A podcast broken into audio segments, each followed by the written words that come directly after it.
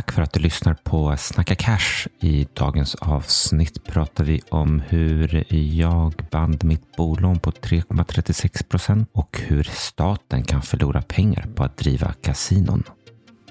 Om 2024 ska bli året du skalar upp dina investeringar till nästa nivå så rekommenderar jag en prenumeration på Sveriges största affärsmagasin Affärsvärlden. Med koden Snacka Cash så får du 50% rabatt under de tre första månaderna. Snacka Cash i ett ord. Bland annat har ju Affärsvärlden den så kallade IPO-guiden där de går igenom börsnoteringar och 2024 kan bli ett år då börsnoteringar tar fart igen. Nu till avsnittet.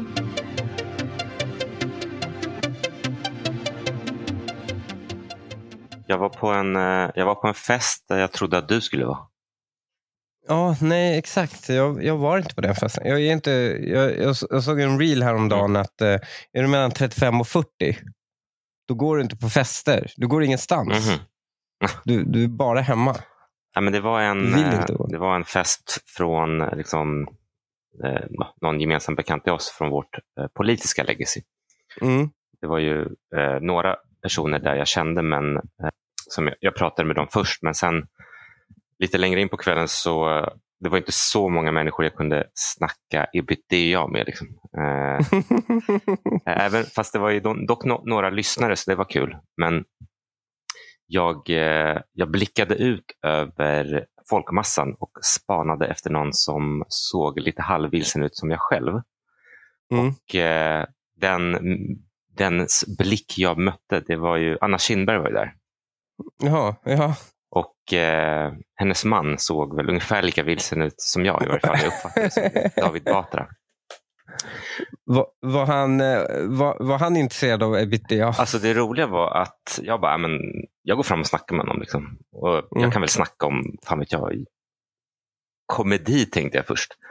Men så fort jag öppnade munnen så insåg jag att så här, vad fan har jag att säga om komedi egentligen? Jag, jag, jag kan typ säga att jag lyssnar på Joe Rogan. Det var typ, jag hade inte så mycket mer att säga. Men som tur var så var han typ också ointresserad av amerikanska komiker.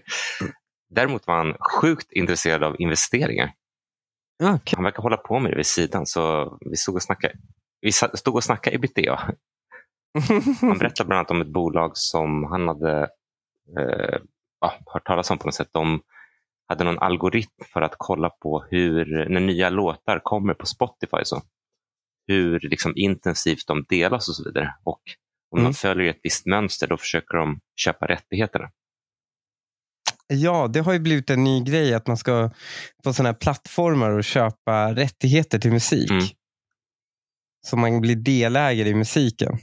Men vi hade en intressant diskussion vad som skulle hända om, liksom, om, det, där, om, om det där blir liksom utbrett. Det kommer ju leda till att folk alltså, börjar göra låtar på ett visst sätt och sen så blir ju den, det sättet blir ju sen urholkat. Det måste liksom, Vadå, lite som att ehm, starta medtechbolag och sen låtsas fakturera och låtsas sälja bolaget till USA och sånt. Alltså, gör man det för många gånger så blir det urholkat. ja, men det finns väl någon, någon regel i finansbranschen att om det finns liksom något arbitrage eller något sånt heter det ju, alltså typ riskfri vinst, då kommer till slut så kommer så många göra det att, att den försvinner eller att det beteendet Eller finns det riskfria pengar så brukar marknaden eh, effektivisera bort så att säga, den, den marginalen. Ja, precis. I och med att folk konkurrerar med varandra. Det är ju, det är så att säga eh, in, motsatsen till market failure. Mm. Vilket eh, i och för sig får mig att gå in på det jag, det jag vill prata om. Mm. Eh, där, där det verkar aldrig bli så. Är ju bankerna. Var var det Magdalena Andersson eller någon som andades eller sa något negativt om bankernas vinster? Mm. Och då är ju alltid ryggmärgsreaktionen från höger att försvara dem. Mm. Men jag tycker ju bankerna är ju liksom en del av staten. Ja, nu för tiden är de, ju- de är så hårt reglerade. Ja. De får inte fail för att eh, då, tycker, då riskerar hela samhällsekonomin gå kaputt. Och Det verkar vara praktiskt taget omöjligt att vara konkurrent, att starta alltså, ha, ha någon form av konkurrens gentemot dem. Ja, men precis, De är så varje, var, varje gång, alltså, när man gör det för lätt att starta banker, då startas det massor med penningtvätt, fraud-verksamheter. ja, och eh, gör man det för svårt, då blir det som idag, nämligen oligopol och de kan pumpa folket på pengar gratis. Jag var ju i veckan och eh, förhandlade bolån. Mm. Och eh, faktiskt när jag, initialt så hade jag en tanke av att ja, men om, om eh, räntan nu är så här hög så skulle jag kunna betala av lite eh, på lånet. Mm. Eh, och Speciellt om man kommer under 50 procents belåning så behöver du inte amortera. Mm. Men det visar sig att räntekurvan den är så pass inverterad, alltså att räntan längre ut i tiden är kortare, eller är lägre Mm. än idag. Det är ganska ovanligt, för normalt sett så brukar man säga att liksom, låna pengar på fem år kostar mer än låna pengar på tre månader. Mm. Men just nu är det ju inte så, utan så tydligen visar det sig att låna pengar på fem år boränta fick jag 3,36. Men jag har ju 3,80 Oj. jag har ju 3,80 i sparränta på de pengarna. Ja. Och det är klart att den sparräntan kan ju gå ner såklart, så det är en viss, viss risk där. Men jag tänkte ändå på fem års, om jag får 3,36 på fem års sikt, jag tror man får väl över fyra nu på rörlig. Har du rörligt? Eller? Jag, är, jag har fem på Ja. rörlig. Okej, alltså Mm. att de blåser det lite där. Men, Mm. men, Och då har jag statlig bank. men för, att jag, Jag kör SBAB. för att jag ska gå back, om för att jag ska ta rörligt och det ska löna sig, då måste den över, hela peri- över femårsperioden snitta under 3,36. Så Den måste sänka ner till liksom två, liksom, typ. Ja, Eh. de tror det ändå, bankerna. Ja, jag vet. Och eh, det där är... Alltså, vi måste ha ett inslag någon där vi ringer en sån här tarotspådam och frågar om hur många räntesänkningar blir i år. Och så ska vi se. Det är 50-50. Vet du, vet du vilken, vem vi ska ringa? Har den- vi ska har- ringa Jolanda den tredje. Har du några kontakter där? Eller? Ja, Jolanda den tredje. Hon hyr det, det här antika vattentornet på Blåkulla i Solna. Det är kommunen som äger den. Så kommunen har en kommunhäxa för hon hyr då det här vattentornet. Och där uppe har hon sin då Kan man gå dit? spåstuga. Ja. Vi måste gå dit. ja, det ligger väldigt nära eh, där ni har er studio. Så vi måste absolut göra det. Nej, men jag, jag, han sa det också på mötet. Eh, han bara, våra, vi, tror att, vi tror på sänkningar. Då. Alltså, till att börja med, liksom, 3, eller 4 procents ränta. Det är inte historiskt sett högt. Den, den skulle ju Nej. lika gärna kunna ligga kvar här i två år. Eh, så att, ja, det är, jag tror att man liksom bara gissar där. Men är det inte lite att eh, Riksbanken nu, i och med att de jagar sin egen svans lite just nu, så tror man att det, det kan man ju bara göra som engångseffekt. Sen får det ju det, får det utfall så att säga. Um, jag menar, KPIF försöker väl eh, parera för det på något sätt, men, men i och med att de gör det Tror man inte då att eh, inflationen kommer då tvärbromsa när de här engångseffekterna av räntehöjningarna avstannar? Jo, precis, men om Riksbanken har lärt sig någonting av de senaste tio åren är ju att liksom, säga att inflationen skulle komma in 1,5 procent eh, på grund av Mm. effekter och så vidare. Att man då ändå tänker, ja, men, låt oss invänta lite. För vi har ju precis kommit från en period där den var över 10 procent. Så att snittet kommer ändå hamna på de här 2 procenten även om vi ligger under målet. Ja, men det du, inte, det, det du glömmer är ju att Riksbankens ränta verkar inte påverka eh, inflationsläget så himla mycket. Så när de märker så här, mm, vi ligger på en och en halv, vi kanske borde sikta mot två. Och så sänker de lite och så märker de att det inte biter. Utan inflationen fortsätter liksom Jo, jag vet, men- men det, det, det misstaget de har gjort historiskt nu har ju varit att de har liksom oscillerat för mycket. Alltså, när den Mm. var noll, då, när inflationen var noll, då blev de skraja och drog ner räntan till noll. Och så blev inflationen 15 procent, då blev de skraja och drog de upp räntan. Alltså, så att jag tror ju att det mest hälsosamma för ekonomin också om man tittar historiskt vad en normal snittränta, det är ju att ligga kvar på 4 procent under eh, en längre period. Men, Jag önskar att det inte är sant. nej, jag vet, men det, men det jag också insåg, Men det är också sunt. det jag också insåg när jag såg och tänkte på det här fram och tillbaka, det är hur ganska meningslöst tanketid det var. För att säga att de, säga att de skulle höja till 20 procent imorgon. Mm. Visst, jag är glad, men jag vet om fem år jag fucked ändå. Alltså, jag har ju, Mm. så att eh, man köper sig bara lite tid. Det är ungefär som att jag har haft en procents ränta nu, men det har inte gjort mig så mycket gladare för jag vet att den kommer resetta. De här, Swedbank har utdelningsfest igen. Ja, Såg jag då 80 miljarder som skulle ut nu. ja, Vilket betyder att eh, jag, jag hade faktiskt en köprekommendation på, på, på Swedbank. På min Twitter upptäckte jag. Hur- Och inte bara Swedbank utan alla svenska banker. hur menar du du hade? Ja, jag hade, eh, för min ryggradsreflex kickade in när folk eh, var sura över eh, vinsterna bankerna gjorde. Okej, Och då eh, så sa jag, men köp aktier ja precis som i du bankerna. precis, köp aktien så får du den där utdelningen. Om du nu Ja, då får du ju det. du tillbaka den. Nej, men det, jag tror många, alltså, en underton som jag tycker jag märkte lite i Magdalena Anderssons uttalande dock, det var på något sätt att, att de höga räntorna, alltså att när räntorna är höga, att, att det på något sätt påverkar att banken också tjänar pengar. Alltså att jag betalar höga räntor, därför går det bra för banken. Men det är inte, det, det är faktiskt typ nästan lite tvärtom. På boräntorna har ju bankerna tjänat bäst när den är låg. Ja, För då kan de ju, när, när styrräntan är, är typ 0 procent och, och du får 1 procent, då kan, då, då kan de ju ta 1 procent. Men nu när styrräntan är eh, typ 4 procent, då kan de inte smacka på lika mycket för folk har inte råd att betala. Liksom. nej. Det är bara som du som tydligen inte förhandlar med banken som betalar 5 procent. Jag, jag, blir, jag kan inte förhandla med banker. Jag vet inte hur jag ska göra. Jag vet inte vilken leverage jag har. Alltså det- Att jag går till en annan bank. Ja, men det, Det är fan omöjligt. De, vet att jag inte kan gå till en annan. Jag är så peppad från helvetet. Det är helt omöjligt. Det är så här, säg tre att, arbetsmånader. säg att du vill vara honorable pep som uh, Jeffrey Epstein. ja. Verkligen. Nej, men det viktiga är att gå in i det där mötet med liksom respektfullt men ändå inse att han är också bara en spådam som inte vet någonting om någonting. Så att det är liksom bara... Mm. Men det, det roliga i det mötet var ju dock att alltså, så, så, så, i det här läget, bankerna, anledningen till att bankerna tjänar mycket pengar, det är inte att, att de har hög bolånemarginal. Det hade de när räntan var låg. Nu har de istället hög sparkontomarginal. För att han- att de kör ju alltid det här, om du flyttar allting hit så sänker vi din boränta med 0,1 procent.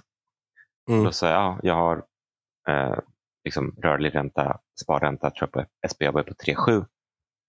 De kan ju flytta till er om, om det gör er glada. Men då sa han att den högsta sparkontoräntan de erbjuder är 2 procent. Så om du har liksom ett lönekonto hos SEB och har liksom överskott där, då får du 2 procent på dem. Eh, sen ska jag säga att liksom, to be fair, de har placeringskonto tre månader på 3,8 procent. Men Mm. alla, de alla de människor, alltså ackumulerat är det nog ganska mycket pengar som bara ligger på lönekonto. Ja. Där spreadar de på ganska bra och, och där kommer mycket av den här eh, marginalen. Det, jag menar, det finns ju de här tre månaders, Skandia som är, jag, jag är, de har ju en fast räntekonto på tre månader på 4,2. Mm. Det är ändå helt okej. Och 4,2, ja det är bra. Ja. Nej, men det, det, jag, men, jag menar bara, på, jag, jag har ingen stark åsikt med bankskatt eller inte, men man behöver inte nödvändigtvis eh, kissa på sig av impon, imponerad över bankernas vinster. För det är liksom, ja, de tog en räntespread på folks lönekonton. Frågan är, den bästa lösningen då på den här, att eh, oavsett om så att säga, räntan är låg eller ner så knullar bankerna svenska folket. Så, så undrar man ju ändå, eh, är, är, är lösningen på att höja skatterna på bankerna? Alltså det Blir det inte bara, det är liksom, det känns som någon så här, nej men någon håller på att ockra dig. mm, Ta, liksom, och du är tvungen att betala den här personen en ockerhyra. Och så kommer staten och bara, Du förresten, jag tänker ta ut en extra skatt från din hyresvärd som du vet att din hyresvärd kommer skjuta över på dig. Alltså hela systemet är, det, det är egentligen en djupare systemfråga. För på, no, på något sätt har det varit så att varje, eller inte varje gång, men ofta när bankerna försökt tänka själv, då har det gått mm. åt helvete för då har de liksom investerat i amerikanska bolån och obligationer eller någonting. Och så har mm. det liksom reglerats och reglerats och reglerats. Så i princip så får de väl typ inte göra någonting mer än ge ut bolån och tjäna pengar på din insättning. Riksbanken borde ha ett lönekonto där du kan stoppa in dina pengar på 4 Förr i tiden så att bedriva bankverksamhet och då även då löne, lönedelen, lönekontona. Det kan jag tänka mig var ju massor av arbete. Mm. Det var folk som gick dit och tog ut sina pengar och stoppade in sina pengar och betalade räkningar eller you name it. Men nu är allt det automatiserat mm. ju. Det är, väl, det, är ingen, det är väl inte en enda banktjänsteman som sitter och hanterar dagliga räkningar och skit. Det är väl när det är en fraud eller något. KYC. Ja, det, jo, det, det, det, har de ju sett. Ja. Du, du slipper göra en KYC om du bara, nej men alla svenska medborgare eller något sånt får ha det här. Mm.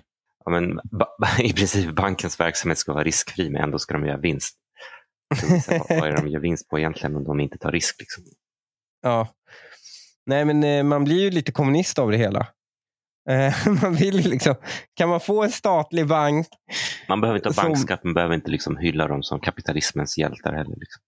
Nej, nej, men alltså bankskatt skulle ju bara fördyra för... Den skulle ju inte, den skulle minska kanske deras vinster, men förmodligen skulle den bara fördyra för, i och med att den gäller alla, så finns det ju ingen som får en konkurrensfördel av...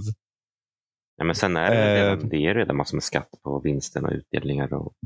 Ja, det är det, men de vill ha extra mycket skatt på dem. Ja. Och då blir det ju då blir det också det blir ännu mer oligopol. För vem är redo att investera kapital för att starta en bank och konkurrera med redan stora jättar vetandes att de här pengarna kommer jag få mindre och kommer jag beskattas hårdare för än om jag investerar i någonting annat. Nej, men som sagt, jag tror man skulle titta på andra saker som att man ja, skulle kunna ha ett, eh, privatpersoner kan ha ett konto hos Riksbanken eller Riksgälden som ger styrränta.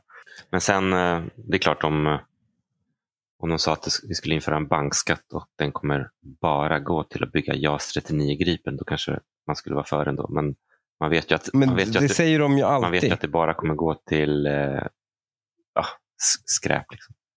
Ja, alltså det, ta, ta vilken löpande driftskostnad som finns inom staten och fråga en politiker om det är en investering. Mm. Och den kommer alltid svara ja.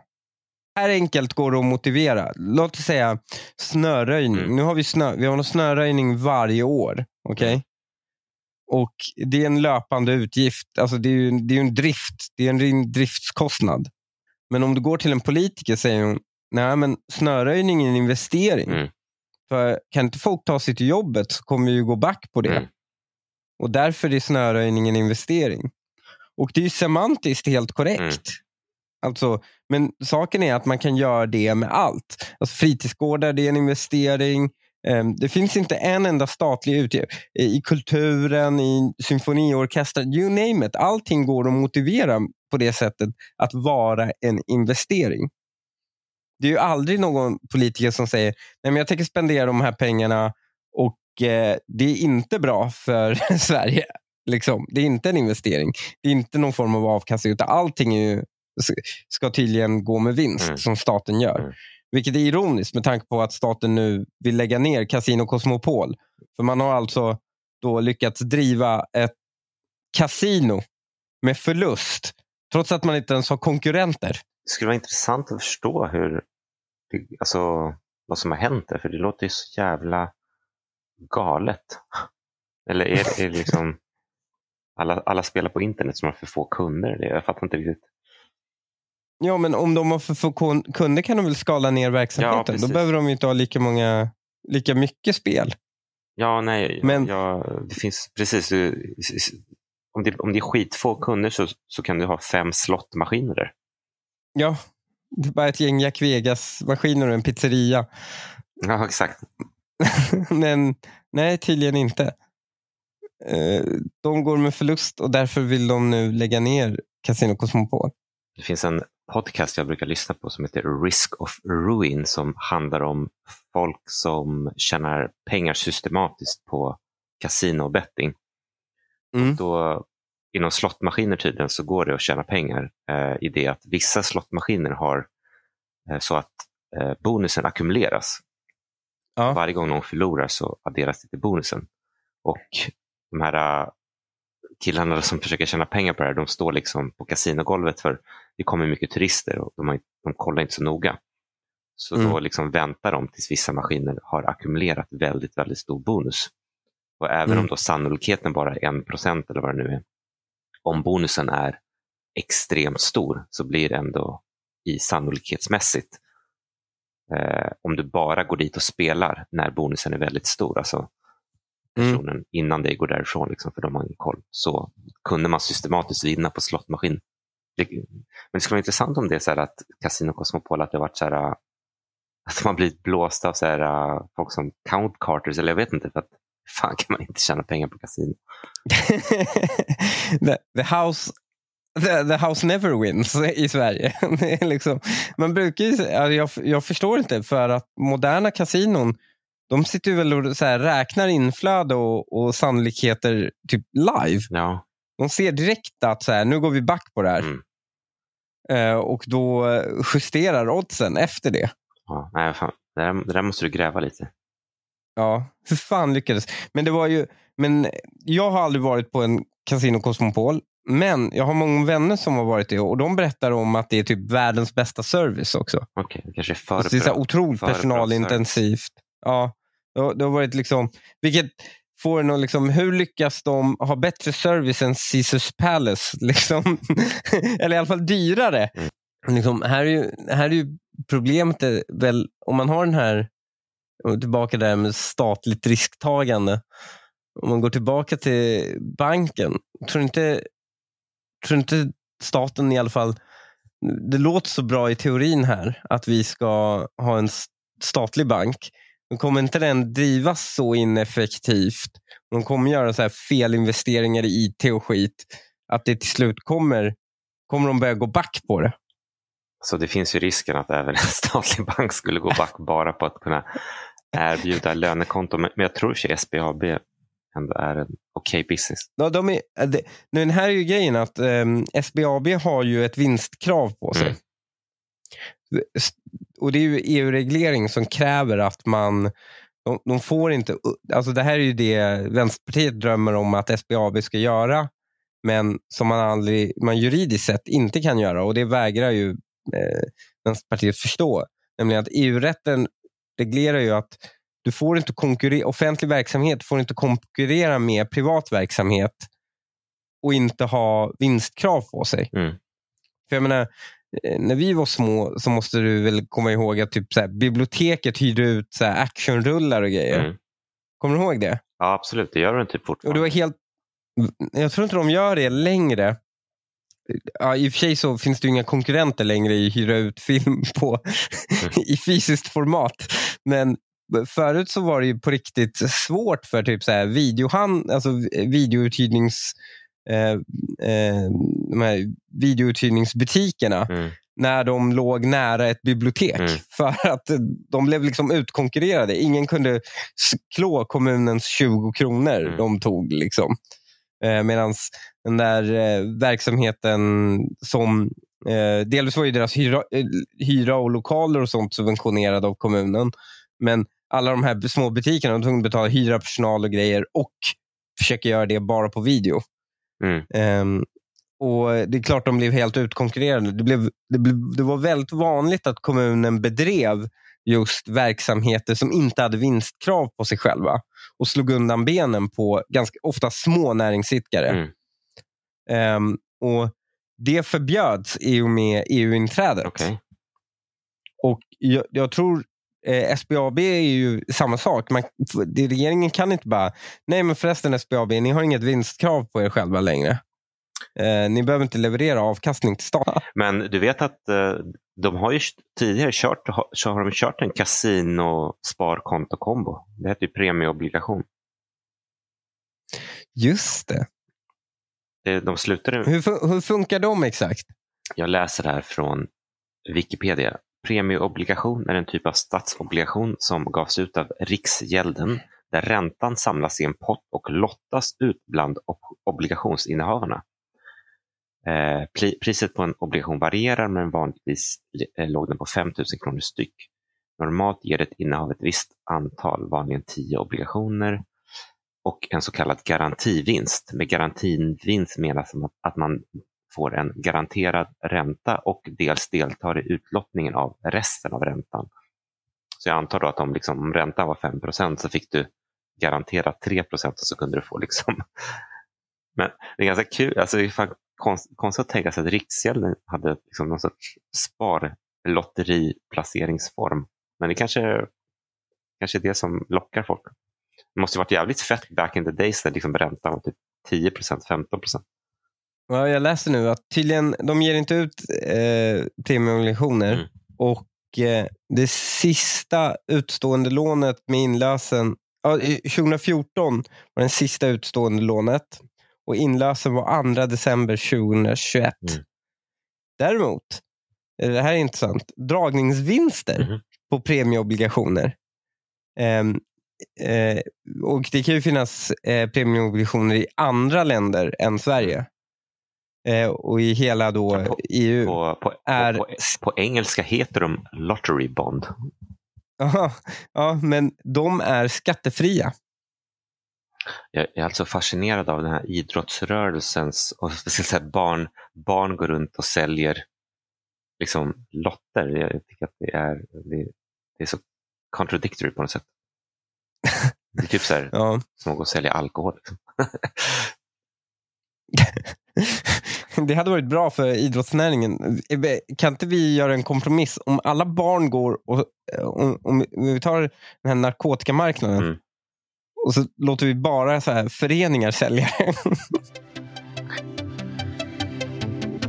Tack för att du lyssnade och glöm inte, ska du prenumerera på Affärsvärlden, använd koden SNACKACASH och få 50% rabatt de första tre månaderna.